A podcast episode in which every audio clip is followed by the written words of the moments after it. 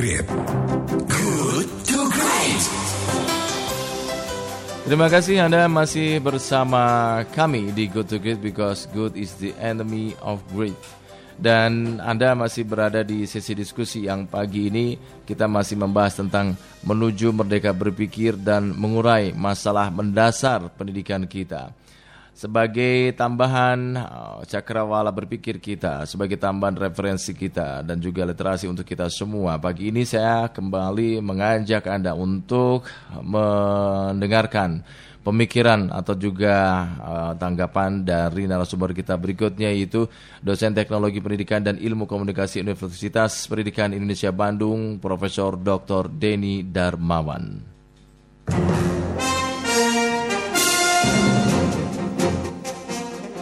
Selamat pagi Prof. Denny Darmawan. Pagi Pak Jul. Apa kabar Prof?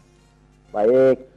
Prof, kita sedang Ya. membahas tentang menuju medan berpikir, merdeka berpikir dan mengurai masalah mendasar pendidikan kita ini, eh, Prof. Denny. Nah, Ya. eh, tadi kita ngobrol-ngobrol dengan eh, apa Pak Johannes Eka Priyatma, Rektor Universitas Sanata Dharma Yogyakarta yang menyatakan bahwa problem mendasar pendidikan kita adalah kegagalan kita mengantar anak-anak dan generasi muda untuk berpikir mandiri. Ah, Ya, ya. Anda sendiri bagaimana em, melihat ini, Pak Prof? Baik.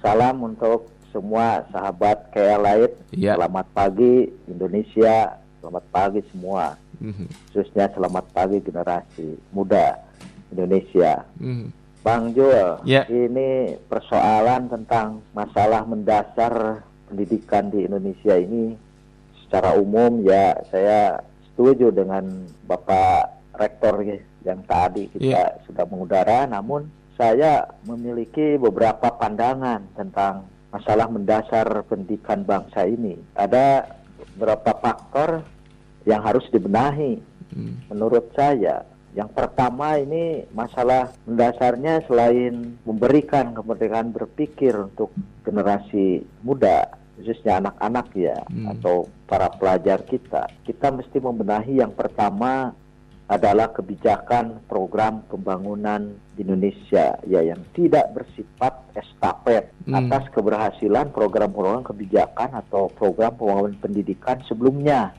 Hmm. ini yang menjadi terputusnya ya tahapan ataupun capaian yang sebelumnya sudah kita peroleh.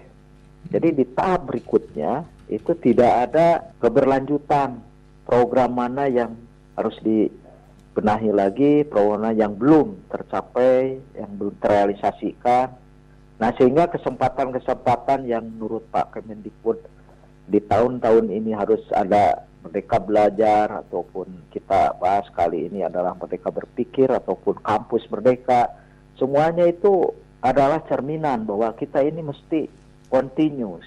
Jadi Hmm. mesti ada estafet dari pendahulu-pendahulu kita dari eh, capaian-capaian sebelumnya. Dan yang kedua ini persoalan mendasar itu adalah daya juang. Ya ini daya juang para pemangku kebijakan. Hmm. yang belum seirama dalam mencermati permasalahan pendidikan yang begitu kompleks ya. Di sini kita mesti mendefinisikan dan melaksanakan semua kebijakan itu dari hulu sampai hilir itu sampai di tingkat guru grassroots di tingkat terdepan misalnya yang ada di pelosok ini kadang-kadang banyak terputus semangat filosofisnya Hmm. jadi Hmm. kebijakan itu lambat sampai seolah-olah di hulunya ini menggelontor semua berbagai kebijakan, infrastruktur, sumber daya, dukungan, modeling, apa pun yang dijadikan acuan untuk membangun pendidikan bangsa ini, tetapi begitu sampai di daerah, sampai di ujung tombak itu seolah menjadi kalau air tuh menetes, Pak Hmm. Hmm. itu persoalan itu yang kami di daerah merasakannya itu dan Eh, yang ketiga kita ini mesti ada group and personality driving hmm. ya ini kadang-kala individu-individu persoalan ini bisa selesai oleh common sense oleh pendapat oleh mimbar kampus oleh mimbar sekolah tapi tidak ada secara personal dulu ya daya dorongnya motivasi ingin berubah Hmm. mungkin di tataran grassroots ya sampai dengan tataran. Pak Menteri sekarang itu tinggi sekali driving Hmm. personalnya. Kami ke bawah itu mesti ada Hmm. driving group yang yang kontinu juga yang seirama juga. Mulai dari dinas pendidikan yang sampai saat ini semangat dan target programnya itu masih parsial ya. Hmm. masih banyak variasi ya. Di setiap daerah memang bangsa ini berbeda-beda. Namun harus disesuaikan dengan lokal wisdomnya Hmm. ditambah dengan para pendidik yang menjadi ujung tombak ini juga belum seirama dan Hmm. kompetensinya ini masih juga belum sama, belum homogen dalam melaksanakan tugas-tugasnya. Hmm. Ditambah lebih parahnya dukungan infrastruktur. Ya, pembelajaran yang masih belum optimal. Hmm. Kita lihat misalnya di Papua ya, bahkan di Pulau Jawa saja lah, di Jawa Barat begitu ya. Ada yang sekolahnya runtuh gitu ya Iya. ini ada gurunya yang punya laptop misalnya mau belajar Hmm. aksesnya tidak ada ya mau bagaimana ini para siswa peserta didik memiliki kemerdekaan berpikir kesempatan Apakah Dalam ini bisa dibilang bahwa perubahan kebijakan dan aturan pendidikan kita itu lebih mengatasi gejalanya saja atau simptomnya saja, Pak, Eh, Ya. Prof, sehingga tidak menyentuh sumber masalahnya, Prof? betul betul Hmm. jadi kita ini harus bertahap ya. Jadi kebijakan ini lahir harus bertahap. Multisektoral practices industri misalnya ya. Hmm. Jadi kebijakan itu lahir. Bagaimana kontribusi pemikiran dan kepedulian pihak-pihak non government education. Jadi dinas pendidikan ini mesti ada mitra, mitra supporting di dalam melengkapi tadi permasalahan yang ini turun temurun diwariskan sejak zaman orde lama mungkin orde baru ini yang semakin berbeda. Menurut pandangan saya itu ada profession yang dalam ini menyikapinya masih lemah sehingga kita berjalan sendiri-sendiri Pak. Hmm. Ini Hmm. ini yang menjadi eh, titik tekan bahwa yang disebut merdeka kampus, kemerdekaan kita membelajarkan para siswa ini belum belum merata begitu. Hmm. Prof, seirama. lalu menuju merdeka berpikir ini dan mengurai masalah mendasar pendidikan kita, roadmap atau peta jalan apa yang mesti kita tempuh eh, sebagai upaya merumuskan kebijakan perbaikan mutu pendidikan kita ini, Prof? Oke, jadi begini Pak, Eh, peta jalan yang harus kita tempuh di sini ada beberapa hal yang sifatnya apa ya, boleh dikatakan harus eh, me- me- apa melembaga ya, melembaga. Hmm. Jadi misalnya yang pertama kita berikan pandangan dari kebanyakan orang tua, orang tua masyarakat bahwa profesi pendidik dalam dunia pendidikan ini jangan ya dipandang lewat saja ya. Kadangkala ya kita eh, apa merendahkan, membanding-bandingkan. Ini peta jalan ini harus dibuka sejak di keluarga, Pak Hmm. bahwa dunia pendidikan penentu masa depan. Generasi yang akan kita olah itu diberikan nilai-nilai filosofis lebih awal di keluarga. Hmm. Yang kedua, pemerintah itu sendiri. Nah, sekarang kita punya peta jalan para profesional di bidang profesi pendidik. Di beberapa pendidikan tinggi, LPTK, keguruan sudah membuka PPG, pendidikan profesi guru.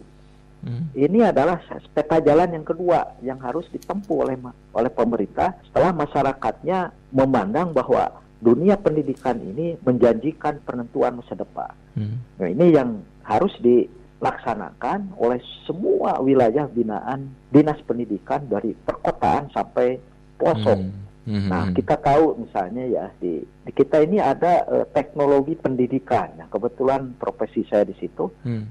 sejak 91 Pak itu tidak pernah itu di merge Hmm. diinsertkan dalam semua rensra semua program semua re- eh, renov rencana Hmm. dan inovasi pendidikan itu secara kontinu tapi ini parsial saja padahal teknolog-teknolog pendidikan ini nempel pada tugas-tugas para pendidik Hmm. di daerah sampai perkotaan ini nyaris ilmu itu tidak pernah Hmm. disentuh Hmm. Mohon maaf, nih dinas-dinas pendidikan bahkan menyimpan perundang-undang itu sejak 2009 inovasi dan ditekankan lagi oleh zamannya Presiden Pak SBY itu 2013. Hmm. Ini menyoal cari solusi masalah pembangunan pendidikan supaya aksesnya merata dan bermutunya juga dan tata kelolanya ini seimbang. Itu dengan dukungan teknolog-teknolog iya. pendidikan. Yeah. Hmm. Nah kami ini membukakan peta jalan yang ketiga adalah sistem Pak. Hmm. Jadi sistemnya ini yang sekarang ini lahir digital education, digital online learning, digital distance learning ya sudah mulai dikembangkan oleh Pak Menteri yang berkiblat hmm. kepada digitalisasi layanan pembelajaran sehingga para hmm. peserta didik memiliki peluang untuk merdeka belajar yeah. di mana pun beradanya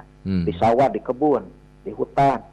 Sambil bantu orang tua berjualan sambil hmm. ini sejak lama itu ada hmm. macam ilmunya hmm. teknologi Baik. pendidikan dan pembelajaran. Baik.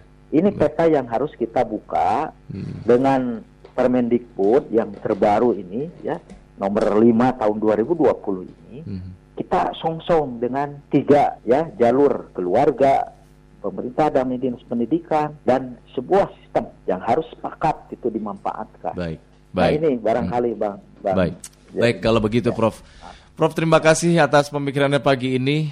Uh, selamat Baik. pagi, sukses untuk Anda, Prof. Denny. Ya, ya, sama-sama. Ya. Selamat pagi. Pagi. Assalamualaikum. Waalaikumsalam warahmatullahi wabarakatuh. Demikian sahabat Kelight Profesor Dr. Denny Darmawan, dosen Teknologi Pendidikan dan Ilmu Komunikasi Universitas Pendidikan Indonesia Bandung. Good to Great. Good.